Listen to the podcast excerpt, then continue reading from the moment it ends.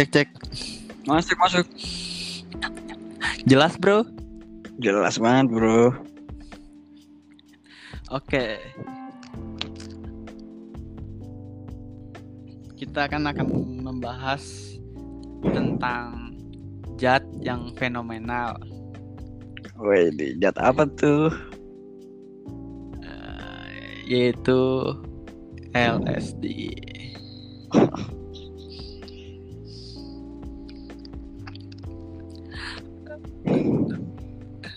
By the way, kenapa jadi gue yang buka ya? Padahal kan gue yang narasumbernya. Enggak apa-apa lah. Gak apa-apa. Biar beda. Sering-sering. Biar beda ya. Ngomong-ngomong, kenapa sih LSD ini harus dibahas? Apa pentingnya sih? Eh, kenapa LSD harus dibahas menurut gua? Karena sepengalaman gua eh banyak gitu manfaat dari LSD. Ini menurut pengalaman pribadi sih. Hmm.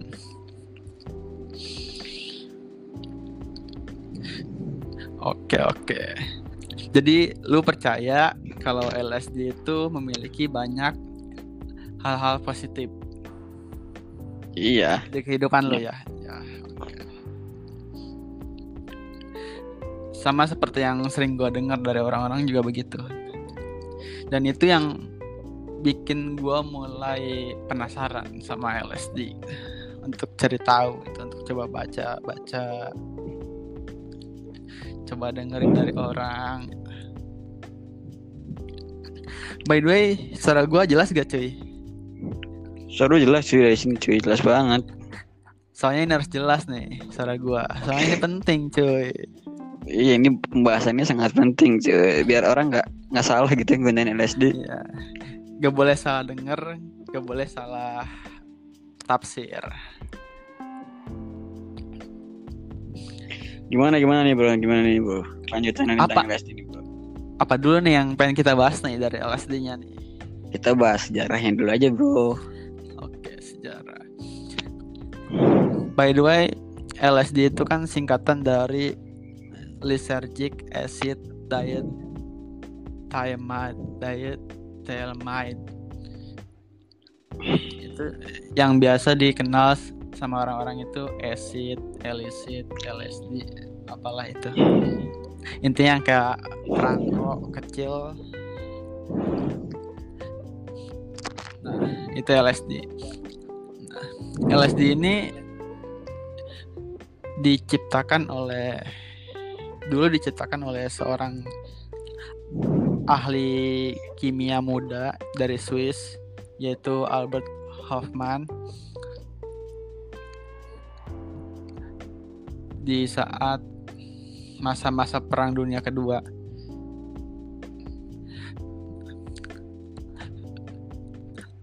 Sebenarnya LSD ini bukan penemuan pertama bagi si Hoffman ini. Ini penemuan terbesar kedua dia. Yang dia itu sebenarnya nggak sengaja masukkan apa namanya zat itu, zat LSD itu ke dalam dirinya dengan cara ya diemut kali ya zatnya nempel di tangan dia emut pada tanggal 16 April. Tahunnya gue lupa. Pokoknya 16 Jadi April. unsur-unsur unsur kebahagiaan itu tidak tersengaja, tidak sengaja gitu awalnya ya. iya dia nggak sengaja mengkonsumsi zat itu. Deng tapi dengan dosis yang kecil nah di situ dia merasa kayak hal-hal yang berbeda gitu dari dirinya. Nah gara-gara kejadian itu akhirnya pada tanggal 19 April dia mencobanya lagi memasukkan zat itu ke mengkonsumsi zat itu dengan sengaja dengan dosis yang lebih banyak. Maka pada hari itu kenapa ada hari bersepeda. Karena itu apa namanya? Hari pertama LSD trip pertama yang pernah dilakukan oleh Hoffman. Dia yang pertama kali merasakan LSD trip. Dan dia Oh, pulang. jadi ya, Iya, dia hari hari sepeda hari sepeda itu Hmm. hari sepeda internasional itu adalah hari hari bersepeda hari merayakan trip LSD itu pertama Hmm. kali. Ah, kenapa hari bersepeda? Karena saat itu saat Hoffman dia mulai apa namanya merasakan perubahan dalam kesadarannya, persepsinya dan pe- apa pola pikirnya. Dia meminta asistennya untuk menemani dia pulang ke rumah. Lalu mereka pulang menggunakan sepeda, mengendarai sepeda pas masih dalam keadaan trip. Nah, proses itulah kejadian itulah yang dikenang oleh orang-orang yang sering menggunakan LSD. Nah, Jadi ketika lu sering menggunakan LSD, lu ingin mengenang jasanya si Hoffman ini, ya lu bersepeda tanggal 19 April gitu untuk mengenang tragedi itu. Nah, Jadi kemarin lu bersepeda nggak tuh pada tanggal 19 April kemarin? gua nggak punya sepeda cuy. Kan lu punya sepeda motor bisa aja. Ditambahkan lagi corona harus karantina. Ya. Jadi gua di rumah. Oh, Oh. Nah, sebenarnya pas awal dia pas trip pertama itu sebenarnya kesannya buruk buat dia. Dia bad trip. Dia pas sampai ke rumah kayak dia merasa dirinya lepas dari tubuhnya. Dia bisa melihat dirinya sendiri dari atap rumahnya. Nah, intinya dia bad trip sampai dia minta susu sebanyak 2 liter kalau nggak salah untuk menetralisir zat yang ada dalam tubuhnya. Tapi setelah minum susu itu nggak ada pengaruhnya sama sekali. Dia malah nambah bad trip. awalnya dia dia bad trip dulu tuh. Iya, dia bad trip cuy. Dia sempat sampai teriak-teriak ketakutan. Kayak dia tuh diteror sama seseorang. Iya. Di situ dia mikir kayak udah ini nggak boleh dilanjutin lagi. Ini nggak benar. Ini nggak baik. Ini nggak usah dilanjutin penelitian ini. Nah, setelah dia normal kembali, setelah kejadian trip itu, dia merasa tubuhnya sangat letih sekali, kecapean. Hmm, iya, iya. rasanya ingin berbaring aja. Setelah itu dia mencoba apa namanya jalan-jalan di belakang rumahnya di kebun gitu dan dia merasa harinya berbeda gitu lebih spesial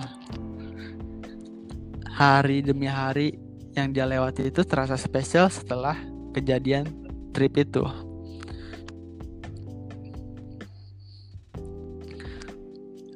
Nah di sinilah, Oh, jadi setelah setelah, Apa? setelah, setelah dia trip, iya, kemudian ketika dia normal kembali, iya, dia merasa ada merasa hari-harinya lebih spesial.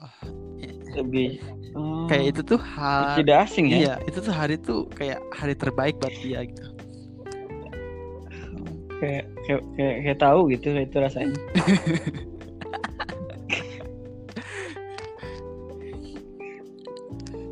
Gitu. Kalau lu Ya. pernah bahagia, lu pasti tahu. Oh, gimana, ya? gimana tuh lanjut lanjut lanjut lanjut lanjut. Nah. Setelah dia sadar hari-harinya spesial, Ah. gitu, gimana tuh? Dia mulai penasaran gitu. Ini kenapa gitu? Sampai akhirnya dia cek ke dokter ngecek keadaannya. Karena setelah kejadian trip kan ya dia cek takutnya kenapa-napa. Ternyata tidak ada yang perlu dikhawatirkan gitu. Dokter pun nggak memberi obat ke dia. Dan di situ dia makin penasaran kok bisa?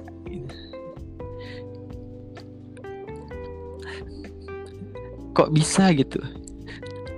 Zat yang dia konsumsi itu memberikan efek yang seperti ini gitu ke mental dia gitu. Tanpa ada apa namanya resiko kepada kesehatannya. Nah di situlah dia mencoba untuk seperti apa ya namanya kayak mempromosikan gitu. Bahwa dia tuh percaya kalau zat itu tuh bagus untuk bagus dalam bidang mental. Ya dalam bidang mental psikologi buat dunia psikiatris. Itu tuh bagus. Dia percaya seperti itu. Karena ini bagus buat mental nah setelah itu dia coba hubungi siapa gitu lupa. Dan dia ceritakan dosisnya cara membuatnya dan prosesnya seperti apa. Terus pas kejadian tripnya seperti apa. Nah akhirnya LSD itu lanjut diteliti kembali. Bersama psikiatris. Oleh sama si Hoffman. itu siapa? Saya Heeh, Hoffman bersama para psikiatris. Nah jadi ya ya hari demi hari Obat- obat. itu diteliti kayak apa sih yang terjadi saat lu keadaan psychedelic gitu yang yang gue ingat sih dia tuh neliti kalau dia merasa seperti mabuk tapi dia bilang ini nggak mabuk. Karena orang mabuk itu nggak bisa mengait karena di kenapa dia bilang ini? Sebenarnya nggak mabuk. Apa dia mabuk?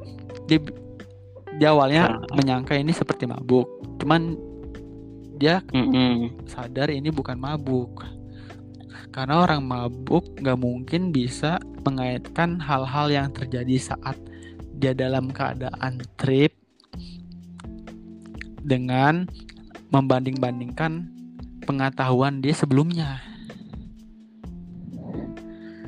Hmm, gitu.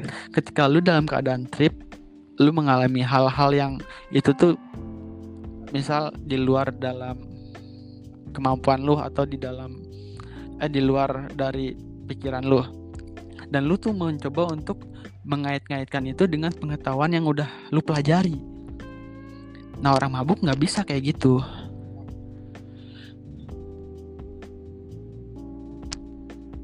Nggak bisa tuh. Nggak bisa kalau mabuk. Nah, makanya dia dia bilang ini bukan mabuk sebenarnya. Soalnya kita masih bisa mengait-ngaitkan hal yang terjadi saat itu dengan pengetahuan kita sebelumnya.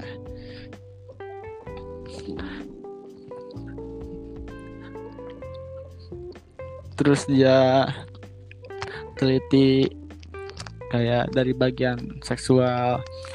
Dia mencoba untuk membayangkan hal-hal seksual yang ada yang muncul malah malah bentuk-bentuk Blur. gitu Mm, spiral sekal Iya, sekali muncul itu cuman dia bisa melihat wanita dari suku Indian. Dengan pakaian Indian.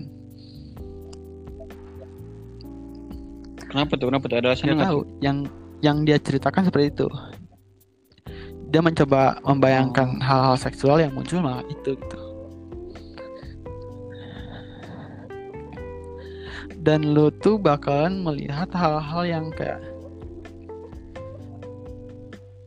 kayak motif-motif bergerak ber- nggak beraturan terus dan itu tuh apa namanya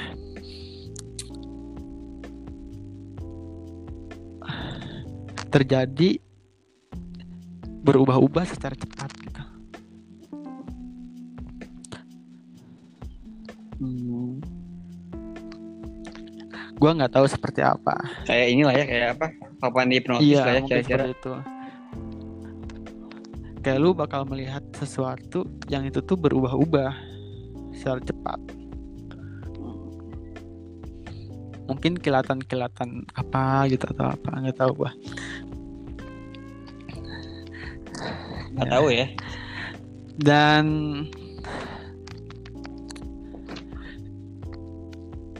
intinya proses seperti itu. Sampai LSD itu mulai lumayan diakui bagus gitu. Nah, akhirnya dia mencoba untuk apa namanya? meneliti seberapa beracunnya zat itu. Jadi waktu itu tuh Nanti kita bahas ke sisi eh, ininya, iya berbahayanya ini.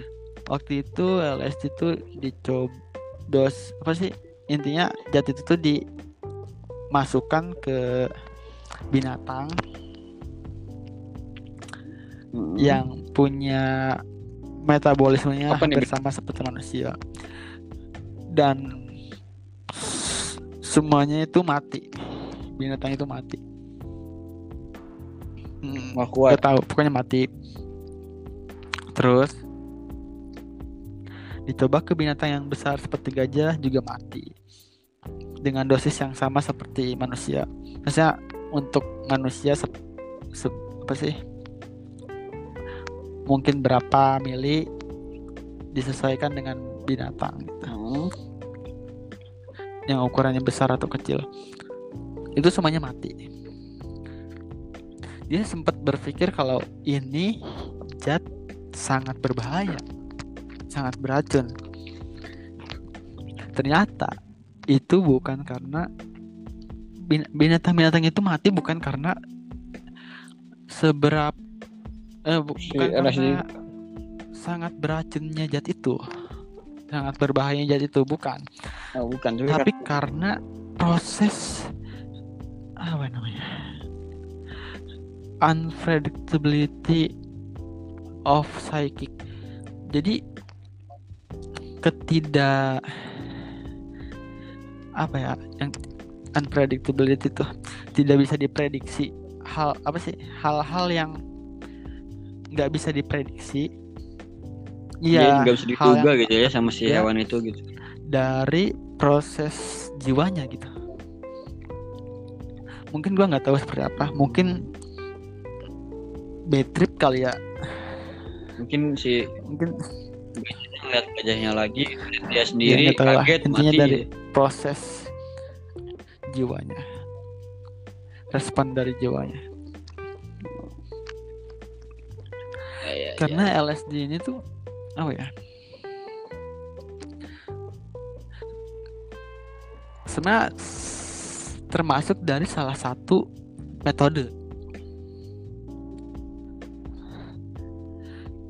dalam hal meditasi.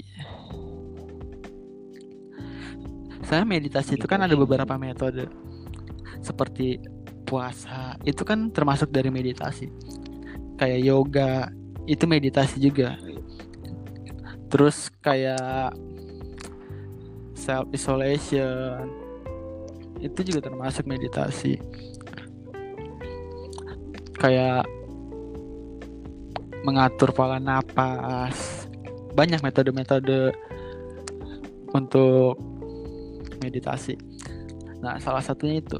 Kenapa LSD ini dijadikan salah di bisa di apa sih nobatkan sebagai salah satu alat untuk meditasi?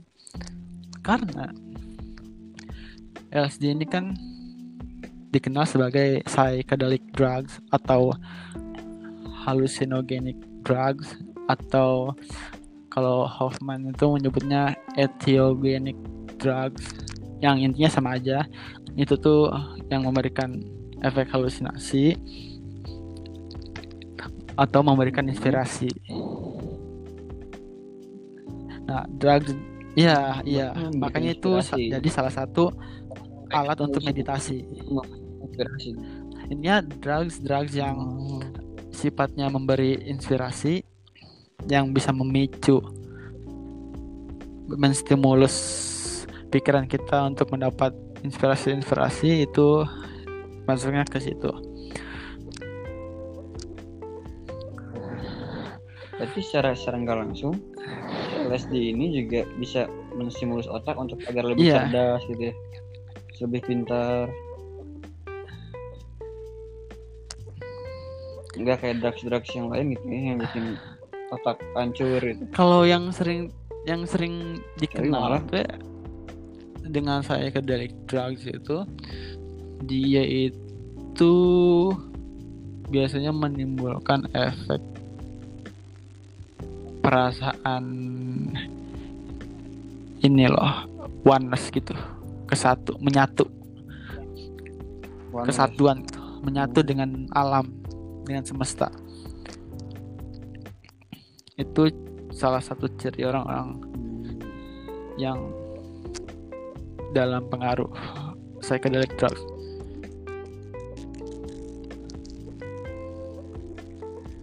Jadi jadi inti inti dari ceritanya itu sejarahnya LSD ini Hoffman tidak sengaja awalnya kan tidak sengaja iya. masukkan Hmm. zat itu ke dalam mulutnya. Awalnya nggak bad trip tapi setelah ya trip gitulah. Yang yang Oh, pertama yang pertama kan dia microdose dia jadi dosis kecil. Ibaratnya kentang Iya. kali ya dia kentang. Akhirnya Iya. pas tanggal Terus- 19 nya dia nyoba lagi dengan dosis yang lebih banyak. Coba lebih tinggi. Iya trip dia iya malah trip. Nah, setelah trip dia merasakan hal-hal yang spesial. Iya. Hari-harinya. Hanya iya. naik titik kembali ternyata jadi ternyata si zat ini memberikan stimulus yang bagus gitu ya untuk mental health gitu ya untuk eh, psikologi ya iya menjadi yang baik. baca tuh seperti itu.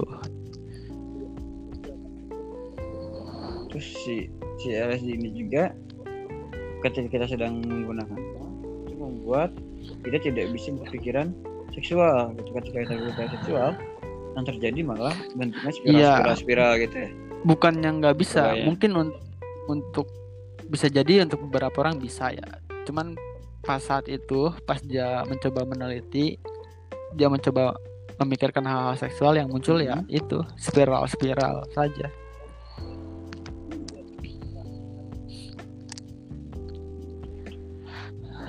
nah, ini kita udah bahas histori nih ya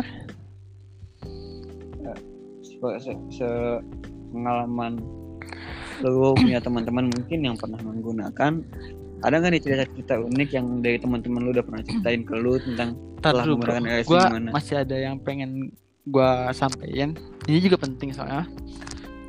Yang membedakan yang membedakan gimana gimana? psychedelic drugs dengan drug-drug lainnya yaitu dia itu menstimulus atau merangsang hormon serotonin.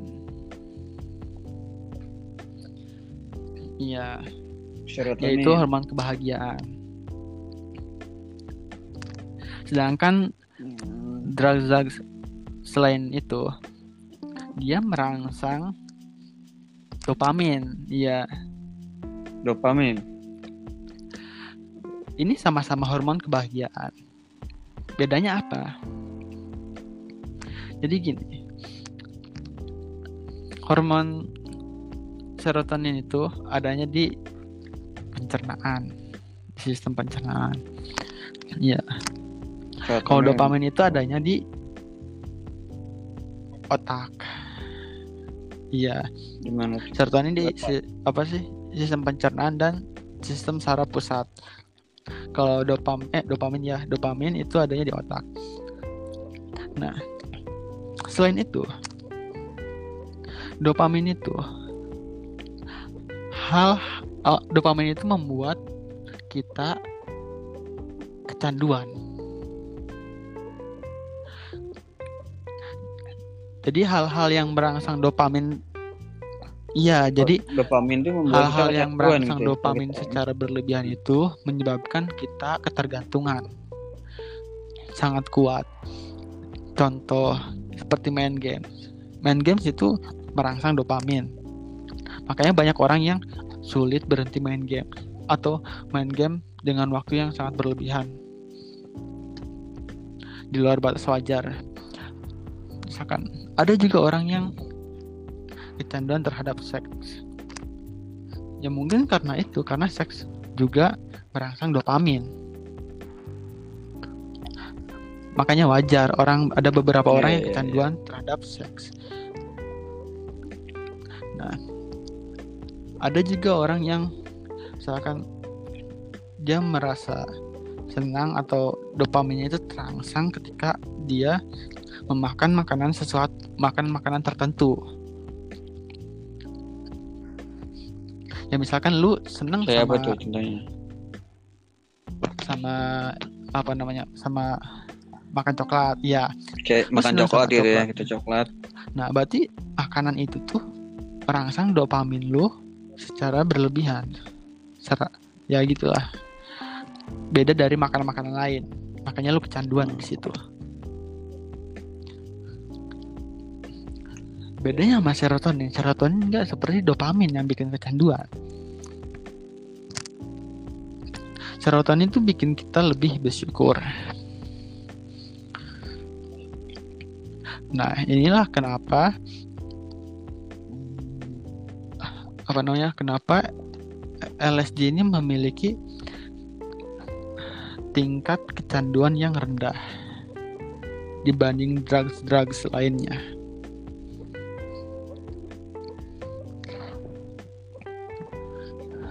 Hmm, Iya, Gitu gitu ya. Oke oke oke. Jadi kalau kalau LSD berbeda dari LSD dan drug-drugs lain, LSD itu itu membuat kita bahagia tapi tidak candu.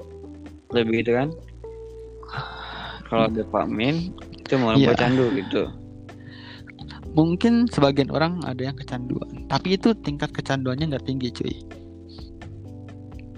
sangat rendah. Oke oke oke oke. Dan biasanya, nah, yang perlu kita bedakan juga untuk pengguna LSD ini. Jadi pengguna LSD itu dibagi menjadi dua. Kalau gue menja- membaginya menjadi dua. Ada yang untuk ah, hanya untuk rekreasi, senang-senang doang. Ada yang untuk edukasi atau seremoni.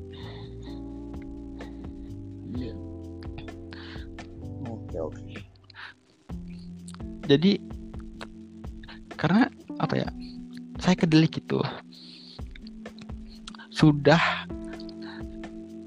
dilakukan jauh sebelum LSD ditemukan. Dan itu sudah lama dilakukan oleh para nenek moyang nenek moyang kita dalam rit untuk merayakan ritual-ritual ritual keagamaan ritual hal-hal yang mungkin tuh sakral gitu jadi itu tuh hal yang apa ya namanya suci gitu bukan main-main Oh jadi kalau kalau culture dari Enggak, nenek moyang ya. saya kedelik itu.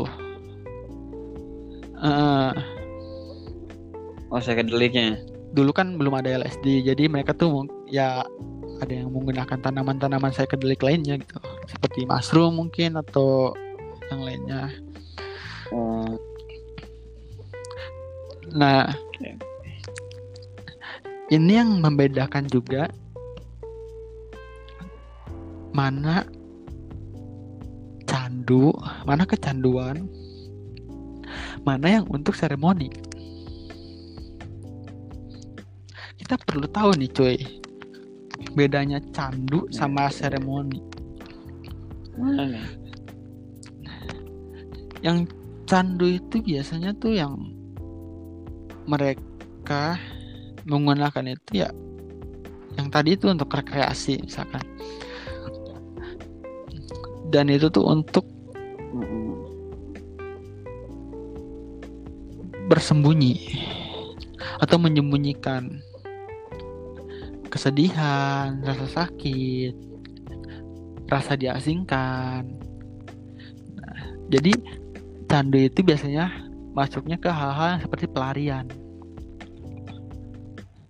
Lu pakai sesuatu untuk lari dari masalah. Oh. Nah, itu masuknya kecan kecanduan Iya, itu. Lu pakai ini untuk cabut dari masalah lu, untuk bersembunyi dari masalah lu. Untuk menghindari seseorang, untuk menghindari apa pun itu. Nah, itu masuknya kecanduan. Iya. Kalau yang seremoni itu dia beda tujuannya. Dia menggunakan zat itu untuk tujuan yang tujuan yang lebih dalam, lebih penting. Jadi dia tuh menggunakan zat itu hanya sebagai akses. Akses untuk apa? Akses untuk mendapatkan atau bisa meraih Mu- mungkin itu energi, mungkin itu imajinasi atau apa pun itu yang sifatnya di luar batas kemampuan dia.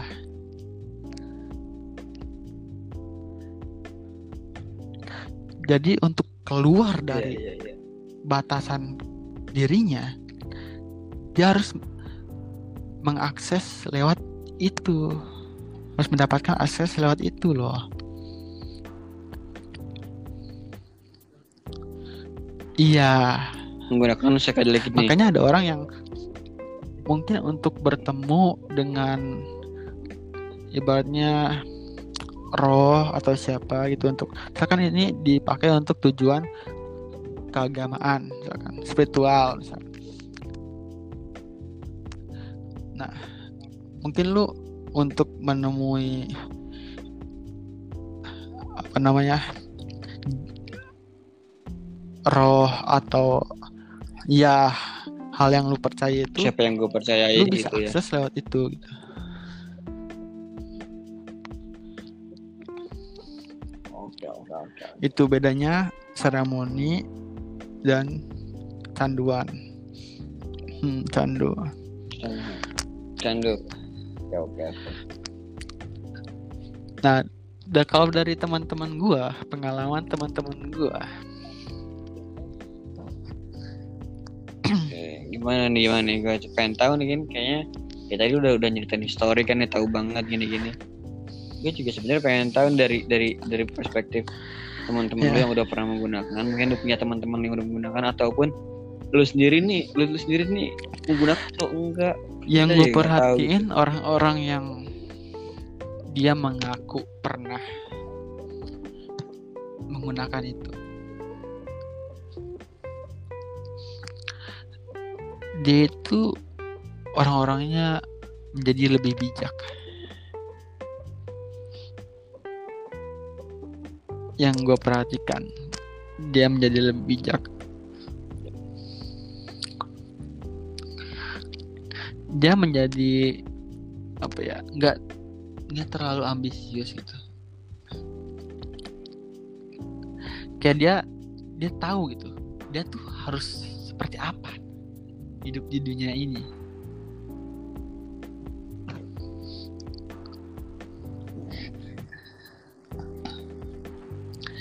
kayak dikasih gambaran gitu ya hidup di dunia ini gimana? Ya gua nggak tahu setiap orangnya seperti apa. Cuman kelihatannya dari yang gua perhatikan gerak gerik mereka tuh kayak mereka tuh udah tahu gitu itu ngapain gitu sebagai apa hidup di sini gitu. makanya mereka terlihat lebih bijak gitu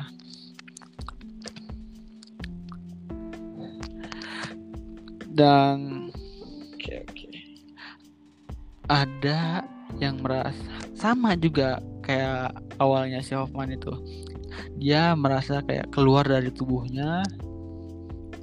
Dia melihat dirinya bersama teman-temannya seperti menggunakan perspektif jadi dia tuh jadi orang ketiga gitu. Iya jadi kalau orang ketiga kan bisa- ketiga.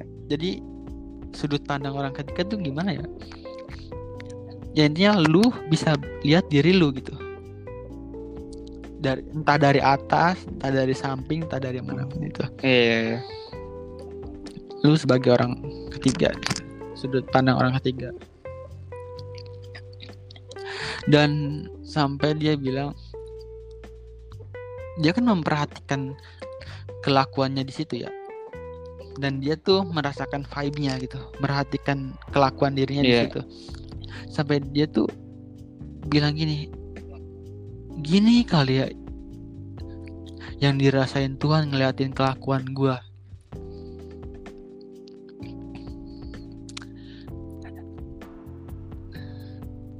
Nah, bukan ini.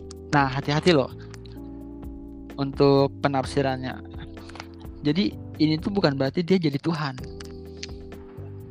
Tapi dia menggunakan perspektif bagaimana Tuhan melihat dia. Karena LSD ini mainnya di perspektif. Oke oke oke. Mungkin iya lu ngelihat tembok kayak bergelombang atau membesar mengecil tapi lu nggak melihat hal-hal yang nggak ada gitu lu tetap ngelihat hal yang ada yang biasanya lu lihat dengan perspektif yang beda dengan sudut pandang yang bermacam-macam seperti itu. Oh, oke. Nah, makanya ada juga temen gua yang dia badannya lemas, nggak bisa bangun. Akhirnya nempel di tembok. Dan dia membayangkan kalau tembok itu tuh magnet dan dirinya itu logam. itu bukan bukan berarti dia beneran jadi logam atau apa gitu. Dia menggunakan perspektif bagaimana gimana? logam Perspektif nem apa tertarik oleh magnet dan dia tidak bisa lepas karena tertarik oleh magnet. Dan itu yang dia sedang dan itu yang dia rasakan saat itu ketika dia tidak bisa lepas dari tembok. Karena harus bersandar. Seperti magnet dan logam. Iya perspektif itu cuy. Cukup seru juga. Karena ada juga yang dia nggak bisa gerak karena lemas di atas kasur dia nggak bisa gerak sama sekali. Dia diem aja. Lalu dia bilang oh gini ya rasanya jadi bantal di atas kasur. Nggak bisa gerak ke mana-mana. Mau pergi ke sana ke sini tapi nggak bisa. Yang bisa yang bisa dia lakukan ya cuma diem. Bukan berarti dia beneran jadi bentuk bantal atau apa. Tapi perspektif dia bantal. iya sudut Tapi dia cuma oh gini loh sudut pandang dia, bantal dia tuh itu bantal gitu. Bahwa gimana? Hmm, Oh, gitu. paham ya Bantal. Oke. banyak seperti itu Paham, paham. paham. dan Iya, iya. cewek gue juga pernah bilang kayak gitu dia tuh merasa kayak bantal nggak bisa gerak tapi dia bukan karena pengaruh LSD dia karena ya dia mager Siapa? aja gitu nggak mau gerak malas gerak. Gerakin tangan aja males. Lagi mager. Dan dia ngerasa kayak gini kali ya bantal ya. Dan itu terjadi sama dia juga gitu. dan dia tuh melakukan itu tanpa menggunakan LSD gitu. Jadi iya. Jadi memang perspektif ini tuh disadari. ya intinya ini tuh perspektif gitu lu nggak perlu pakai LSD juga bisa. Cuman ketika lu pakai LSD lu akan apa namanya melihat suatu hal dalam perspektif yang bermacam-macam yang mungkin itu nggak lu pikirin gitu.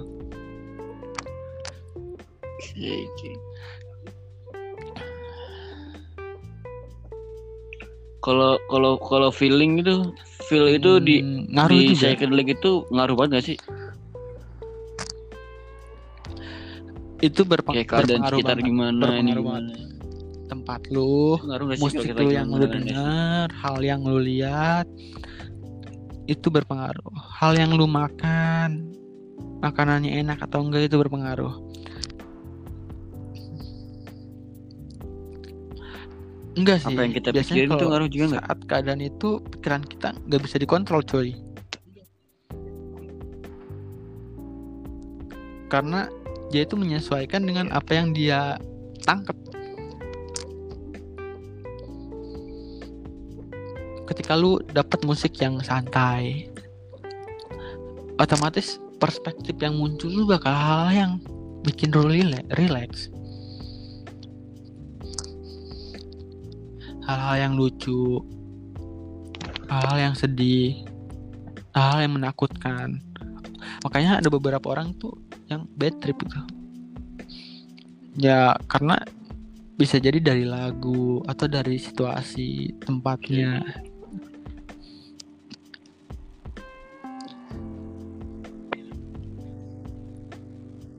Oke, jadi sampai sampai sini gue paham bahwa Hmm, LSD itu dia bermain di eh, sebuah perspektif ya sudut pandang sama ya, dan juga eh, iya dan juga ini.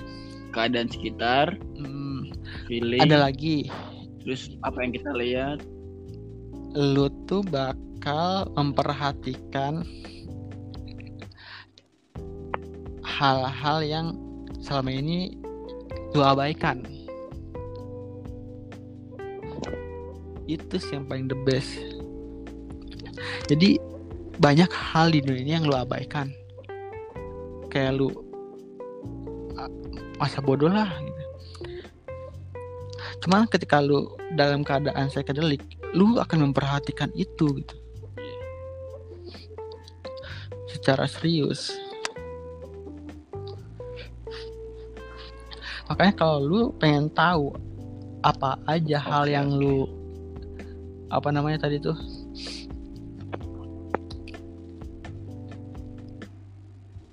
Apa sih tadi tuh? Hal yang apa? Lupa gue hal yang lu abaikan. Kalau lu pengen tahu Hal yang hal apa aja yang lu abaikan dalam Abaikan. hidup lu hal-hal kecil atau benda-benda di sekitar lu. Kalau lu pengen tahu lu tahu lah harus kayak gimana.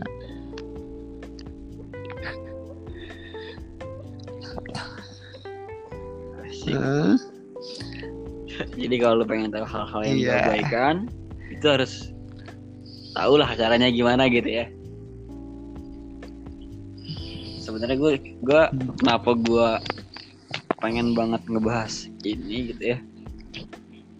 Itu gue juga sebenarnya ada yang mau gue ceritain gitu tentang Hmm, pengalaman dulu. Seperti apa itu cuy coba ceritain LSD. Baik gitu.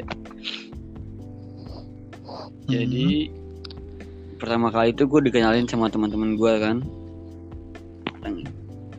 ini gitu. Kebetulan di hari itu gue sedang dalam kondisi di mana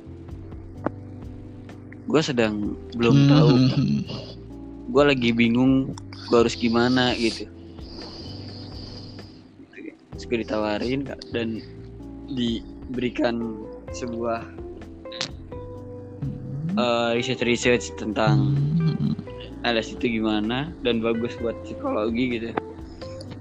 Akhirnya gue penasaran dan gue mencoba hal itu. seperti apa itu hal baru yang gue lihat. Mungkin di hari Oh, iya, pertama iya. gue nggak jauh beda lu dengan trip cuy movement ya gue gue ngerasa Hmm,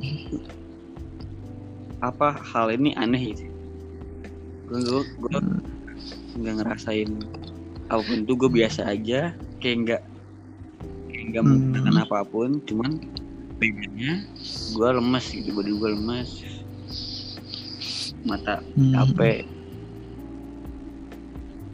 Hanya seperti itu gitu dan kemudian setelah gue menggunakan eh, setelah itu hari itu selesai di, di keesokan harinya gue ngerasa kayak Hmm. Sama lebih seperti happy si aja Hoffman gitu itu ya. Hmm. ya hampir kayak Hoffman ya sampai akhirnya gue penasaran. Kok dengar dari teman-teman Hmm. gue kayaknya seru gitu kayak asik. Tapi gue nggak ngedapetin asiknya gitu. Akhirnya gue nyoba. Di yang kedua kali. Itu di saat nyoba di kedua kali Hmm. itu di saat gue sedang Hmm. senang senangnya di rumah. Biasanya kan gue di luar terus tuh tapi suatu hari gue di rumah gue pengen di rumah akhirnya Trip.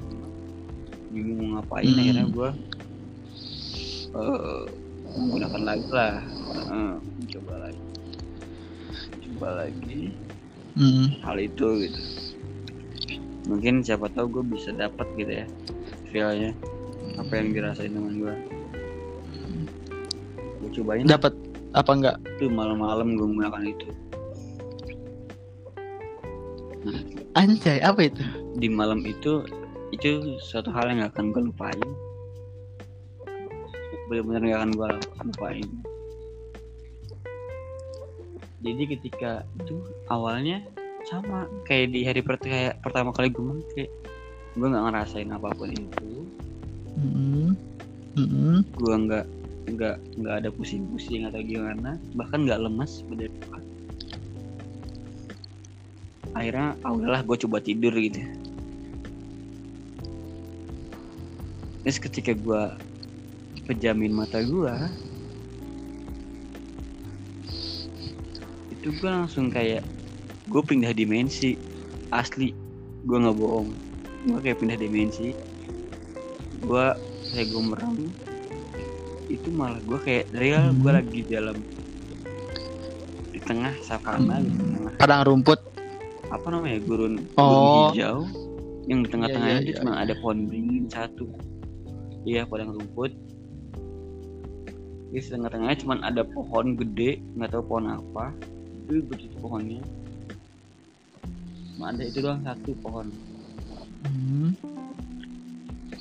Terus gue jalan akhirnya ke pohon itu. Nah di pohon itu yang nggak akan gue lupain sebenarnya jadi di daun-daunan pohon itu Iya. itu dalam satu helai daun Anjay. ada beberapa tayangan kehidupan kayak ada jadi dari satu daun itu itu kayak diibaratkan Oh, satu dunia itu ada di pohon itu gitu semua makhluk hidup semua apa pun yang iya, bergerak iya, apa pun yang iya, hidup iya. ada dalam cerita dalam satu helai daun oh, beberapa helai keren juga ya. setiap daunnya Terus? ketika gue jalan ada satu helai daun yang jatuh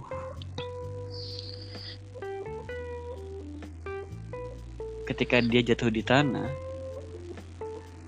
si daunnya tiba-tiba berubah Ih. menjadi beberapa bagian makhluk hidup. Ada manusia ada hewan ada tumbuhan. Itu dalam bentuk manusia, hewan, yang makhluk-makhluk lainnya gitu. yang mati atau hidup. Hmm, Iya, jadi ketika, bangkai. ketika, ketika dia jatuh mati mati mati. Jadi bangkai. Jadi kayak apa ya? Gue ngerasa di situ lah gue ngerasa kayak anjing eh alam Oh, lu merasakan dan kita tuh keterhubungan ternyata bersama semesta ya, bersama alam. Hmm, iya iya. iya. iya itu gua pas bahkan ketika si helai daun jatuh itu gua ngerasa bahwa satu helai daun adalah beberapa sumber kehidupan jadi ketika ada yang jatuh Hmm. bahwa pasti itu ada beberapa Keren kehidupan yang ya. telah mati gitu.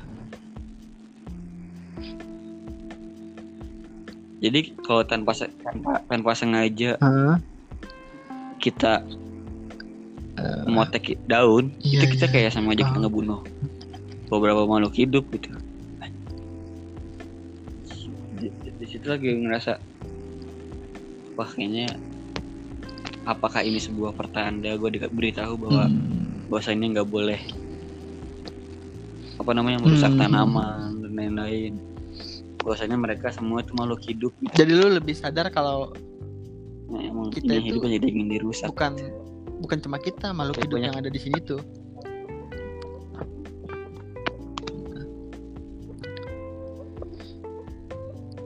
Iya betul Terus setelah itu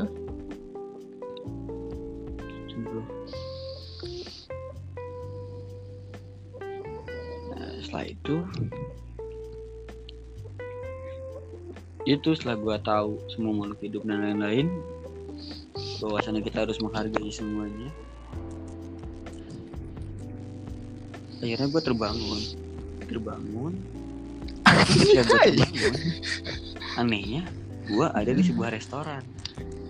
Ya.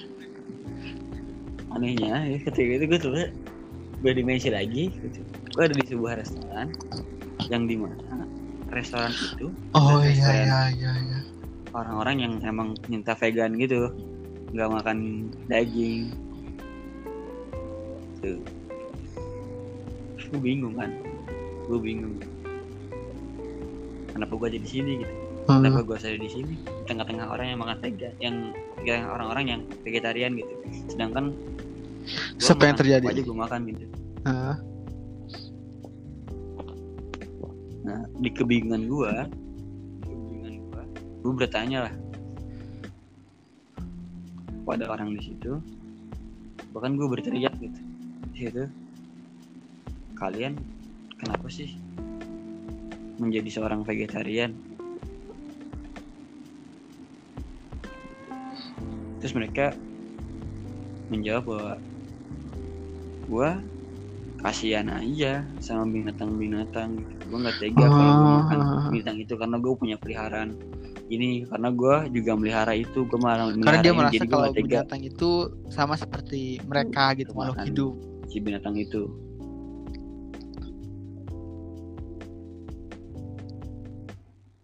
enggak karena dia mereka ngerasa eh, binatang ini Oh, dia sayang gitu. seperti peliharaannya dia gitu yang di rumah. Jadi mereka nggak tega. Heeh. sedangkan padahal eh, tumbuhan pun punya nyawa gitu yang dia pun ingin hidup. Gitu akhirnya gue mikir situ bahwa bahwasannya ya manusia tuh egois gitu Di Iya. situ. Hmm. mungkin nggak semua ya tapi ya gue ngerasa di situ tuh manusia tuh egois gitu Hmm. entah dari dari uh, scene yang itu Iya iya. ya gue gue nganggap nganggap ini tuh adalah sebuah film yang memberikan gue edukasi ya jadi di bagian di bagian scene yang itu gue gue entah kenapa berpikiran bahwasanya gue diajarkan untuk tidak menjadi seorang manusia yang egois gue harus mendengarkan semua pendapat orang lain dan jangan ingin Iya, mengerti tapi harus mengerti Keren juga apa tuh. yang diinginkan semua orang gitu Iya yang yang gue jadi ingat lagi nih. Banyak cerita-cerita yang mereka tuh dapat kilatan-kilatan visual. Kata kilat visual-visual itu sebenarnya banyak. Cuman yang bisa lu inget tuh itu gitu. Lu ngerasain kayak gitu nggak sih?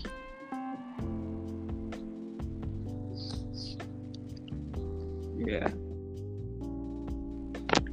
Ngerasain, ngerasain. Bahkan eh untuk psychedelic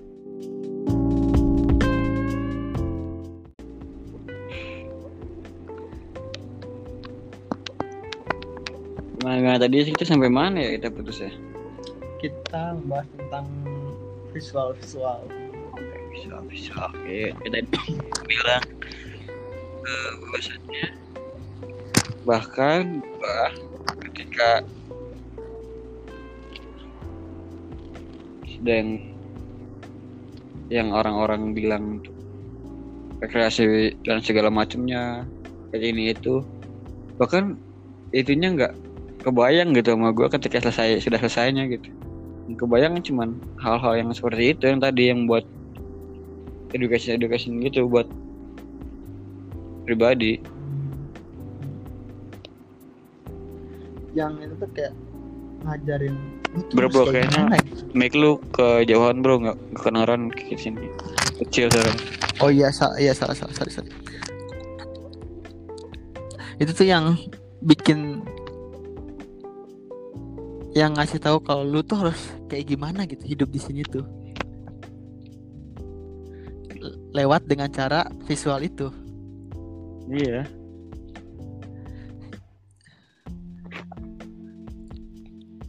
Makanya ada juga teman gua yang dia itu masuk ke level apa namanya anima animus. Anime animus gimana tuh kan kalau dalam teorinya Carl Jung itu bagian unconscious kita alam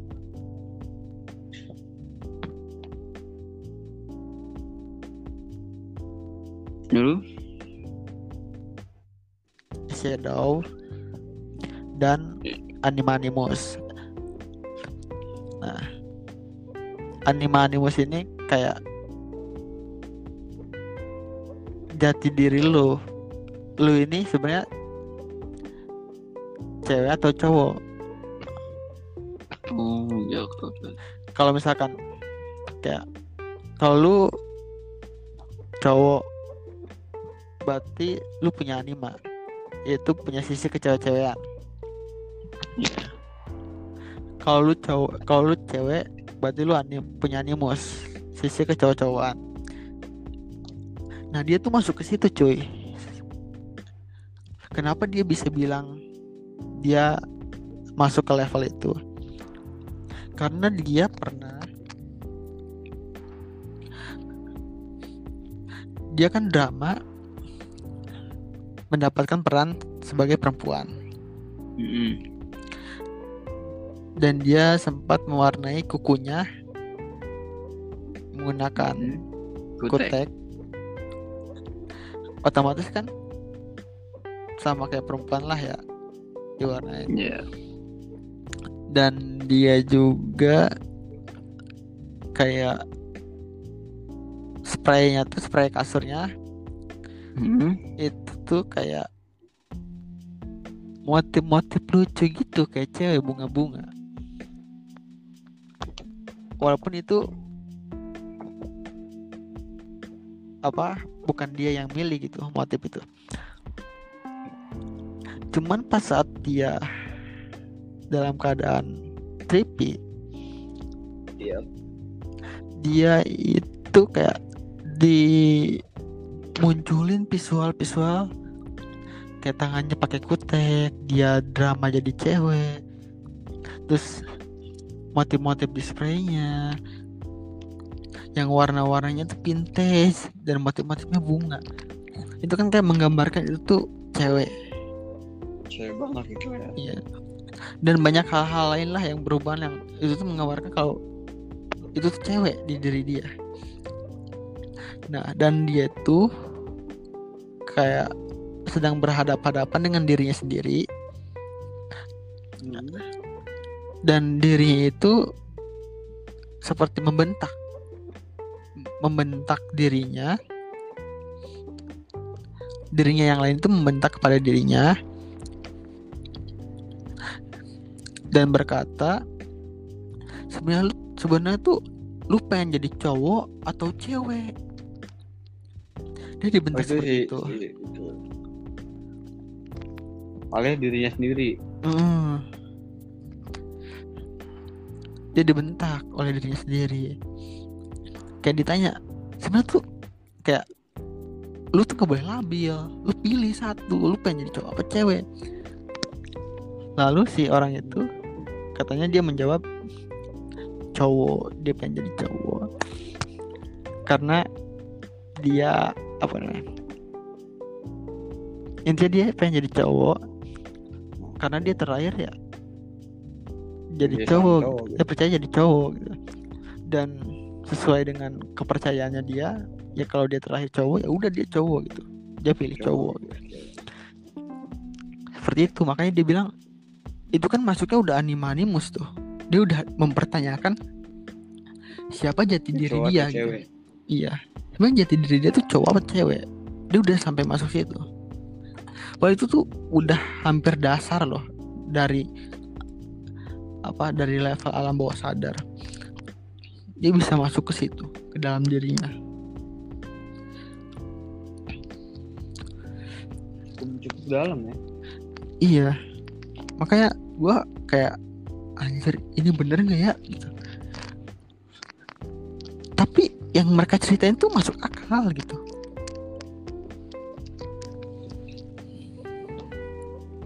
Mereka tuh kayak bener-bener mimiknya tuh nyeritain itu kayak beneran terjadi gitu. Kayak mereka tuh beneran lihat itu gitu.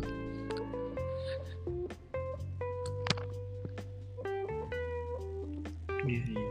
Emang emang gitu sih kayak bahkan waktu itu dulu gua rasain juga itu kayak emang bener real aja. suara lu kurang jelas bro. Bisa diulang? Iya kayak waktu gua Hmm. halo? Kedengeran ya, ya, Mas ya. ya? Ya gitu kayak waktu gua cobain dulu tuh itu bener-bener bener-bener real 100% real dan sadar sadar Hmm.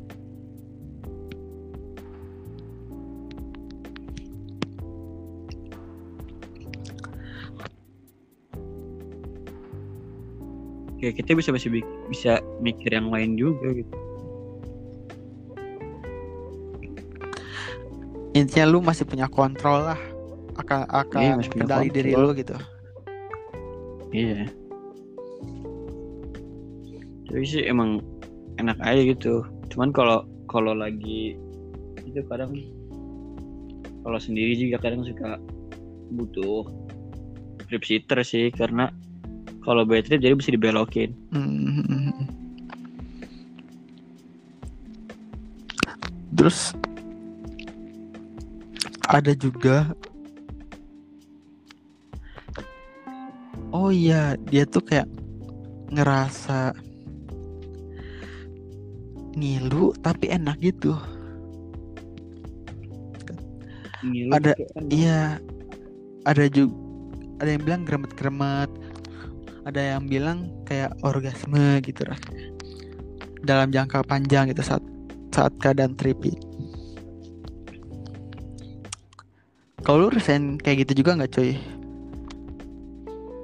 kalau gua hal yang gitu malah gua ya cuman gua Mic-nya kurang deket ya kayaknya. iya kalau gua hal-hal yang kayak gitu tuh gua nggak ngerasain ya Hmm, tapi kalau gue dengar musik hmm. nah gua badan gua auto ngikutin alat musiknya hmm. Badan gua gerak-gerak sendiri Itu gerak nari atau gerak gimana tuh? itu itu gerak abstrak sih Pose-pose seperti itu. pose-pose pose-pose abstrak lah pokoknya Oh, ikutin iya. alat musik aja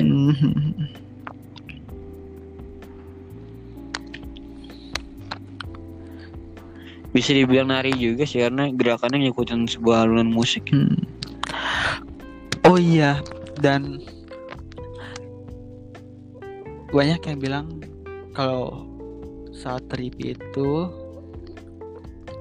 lu bisa rasain apa yang lu lihat. kayak misalkan lu lihat garis-garis melengkung lu tuh kayak bisa rasain itu gitu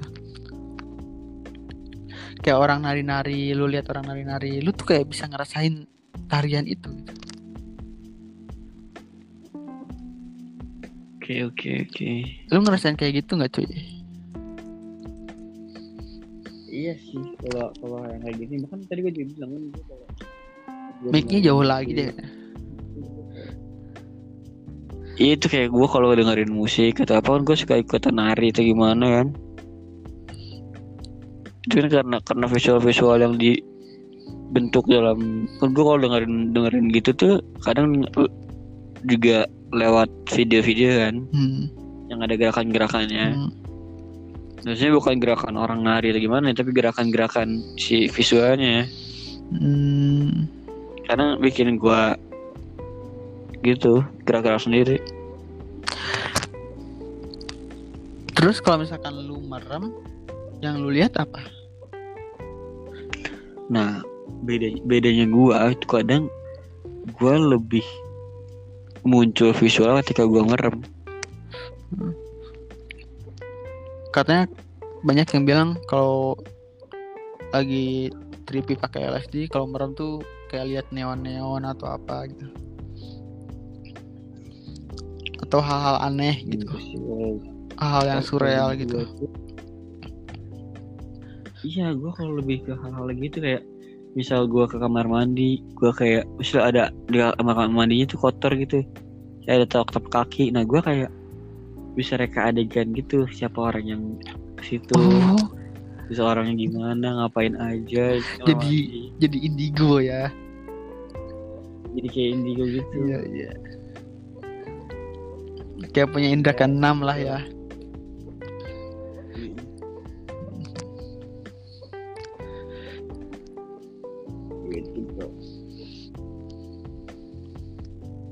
keren juga ya Ya cukup cukup menarik sih kalau kalau ini. Cuman ke- ka- kadang ya udah lah ya. Karena suka kangen tapi gimana? ya. Bingung juga. kan gue pernah dengar tuh dari salah seorang expert. Gimana tuh? kalau psychedelic itu kayak kebutuhan yang fundamental. Kebutuhan yang paling mendasar dari setiap jiwa manusia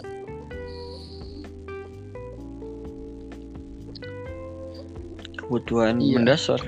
kebutuhan paling mendasar dari jiwa manusia.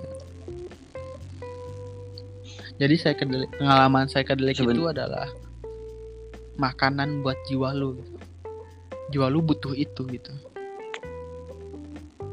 Biar Oke, sehat. Oke, oke, paham, paham. Oke, gue mulai paham.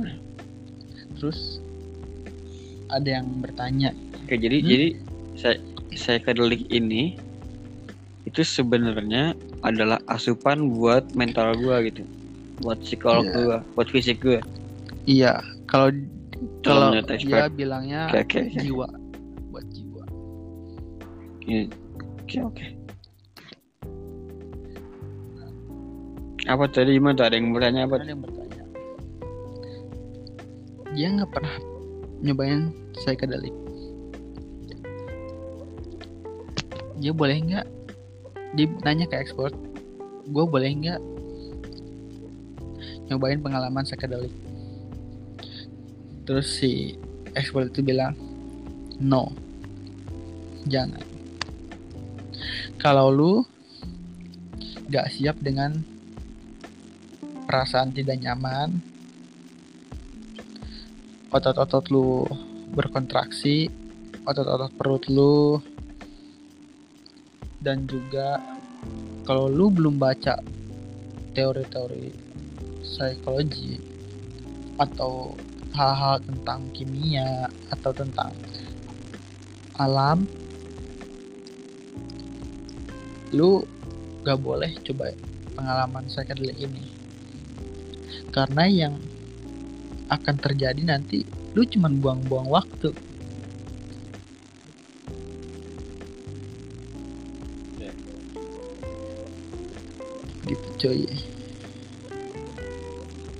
Tapi sayang gitu ya makanya kalau lu baca dulu gitu lu cari tahu dulu lu bakal dapat lebih banyak gitu.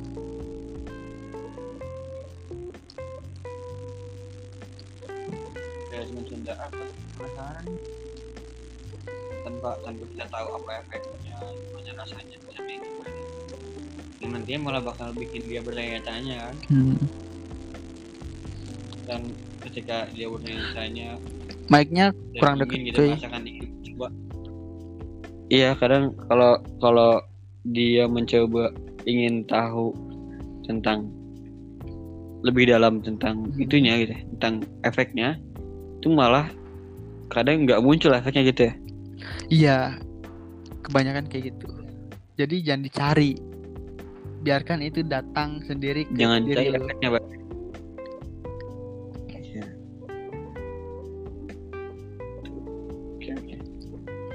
Cukup cukup menarik lah tentang pembahasan-pembahasan LSD itu.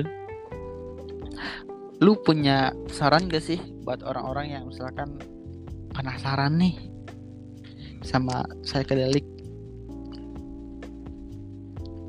saran lu apa buat mereka kalau menurut gua sebenarnya LSD ini kalau eh, diperbolehkan ya, diperbolehkan kalaupun diperbolehkan. Ini penting banget dan harus banget coba sebenarnya. Untuk eh lebih apa namanya muasabah diri lah kalau Hmm, istilahnya itu ya. muhasabah diri keren juga lah. Introspeksi introspeksi diri gitu kan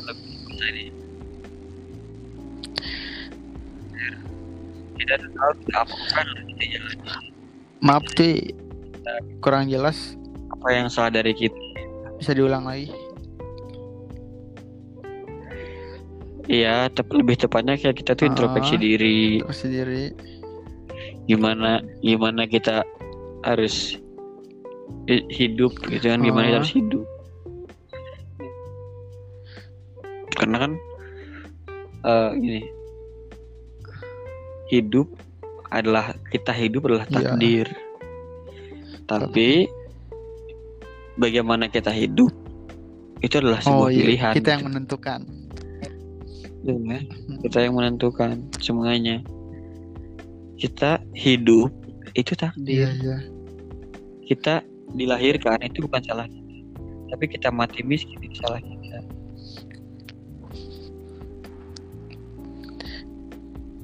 emang apa yang salah dari orang miskin? Kenapa? Apa yang salah dari orang miskin? Ya nggak ada yang salah. Nggak ada yang salah cuman eh, kayak nggak ada effort Iya, gitu iya, kitanya ya, kita kalau apa yang kita ingin bisa kita dapat. Iya. law ya. Law of attraction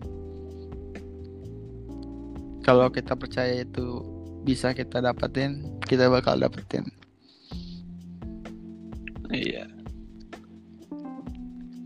Dan setelah gua baca setelah gua dengar dari para para ahli terus gua dengar pengalaman pengalaman temen gua gitu gua yang sebagai awam kayak galau gitu sempet galau. Cuma yang bener sebenarnya apa sih yang terjadi di sini gitu? Sampai gua kan ada yang bilang itu tuh bahaya. Itu tuh nggak boleh. Dilarang karena bahaya. Ya. tapi di sisi lain banyak para peneliti yang bilang itu bagus. Itu sangat recommended gue sampai bingung gitu mana Tapi- yang benar gitu. sejauh se- sejauh sejauh yang lu baca lu eh baca juga beberapa hal-hal yang negatif dari gadget ini gitu. LSD gue nemu hal yang buruk dari LSD cuman itu tuh yang bilangnya youtuber cuy.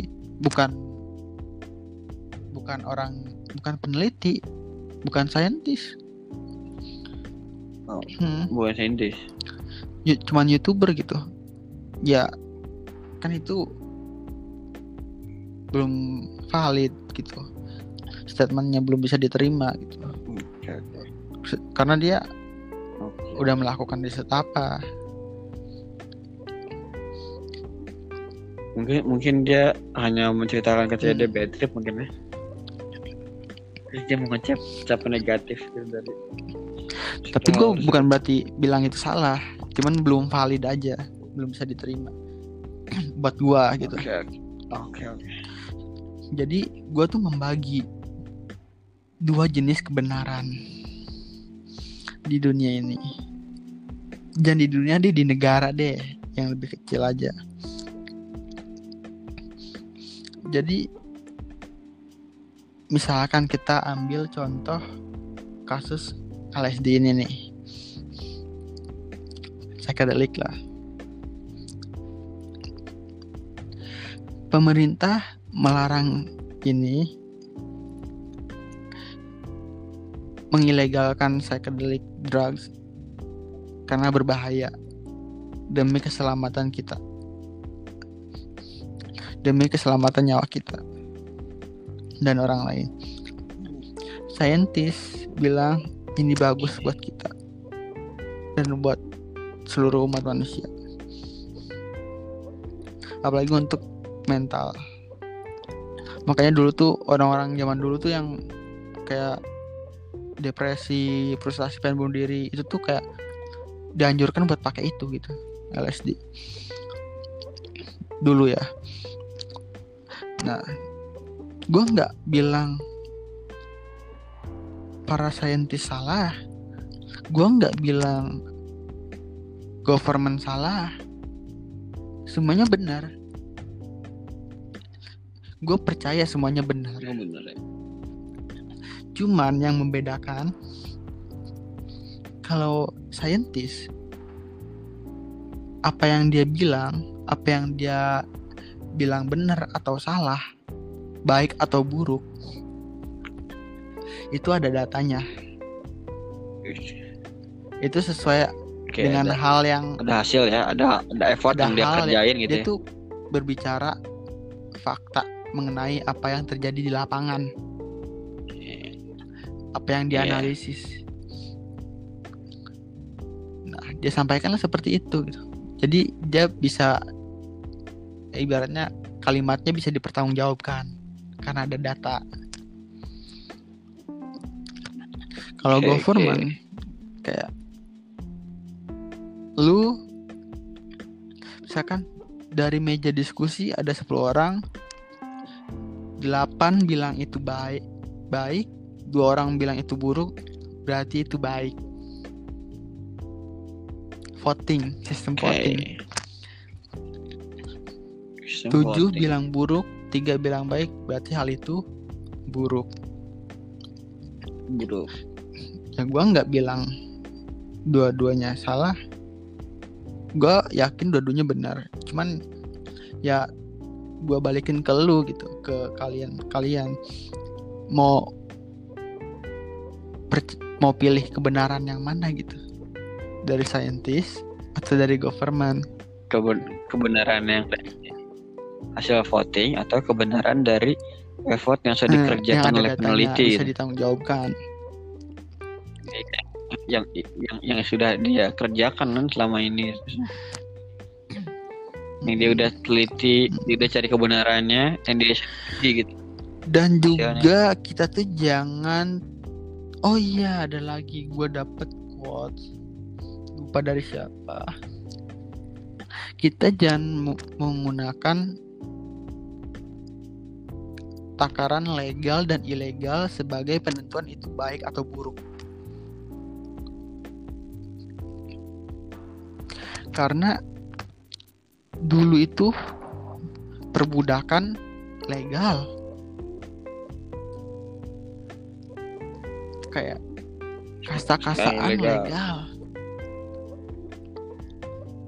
dulu hal-hal itu legal dan yang dari dulu sampai sekarang masih legal itu perang. Perang masih legal sampai sekarang. Dan apakah lu mau masih menggunakan cap legal dan ilegal sebagai kadar penentu baik dan buruk di hidup lu? Itu cuy. Menurut lu perang baik baik gitu. Perang bagus. Perang legal loh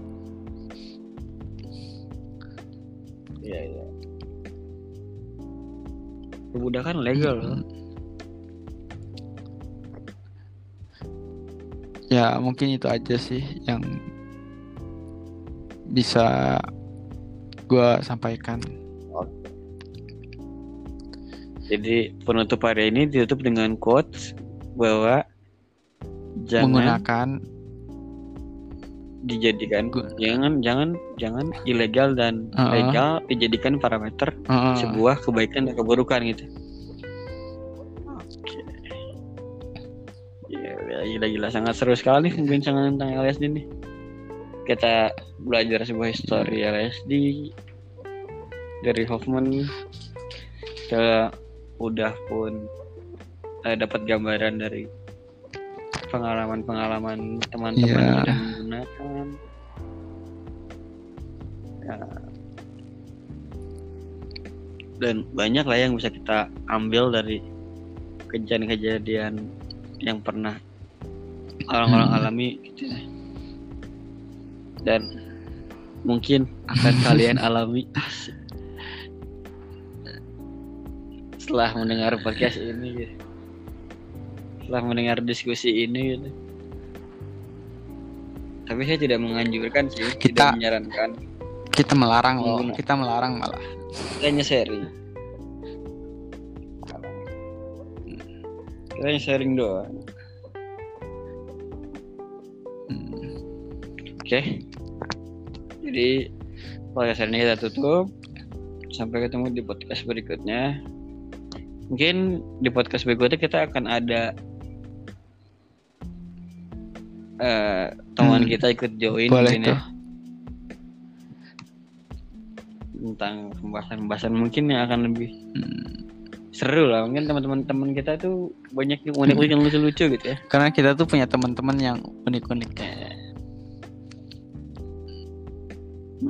dan kita tuh akan mengundang teman-teman dengan sebuah tema nantinya dan disesuaikan dengan porsinya gitu.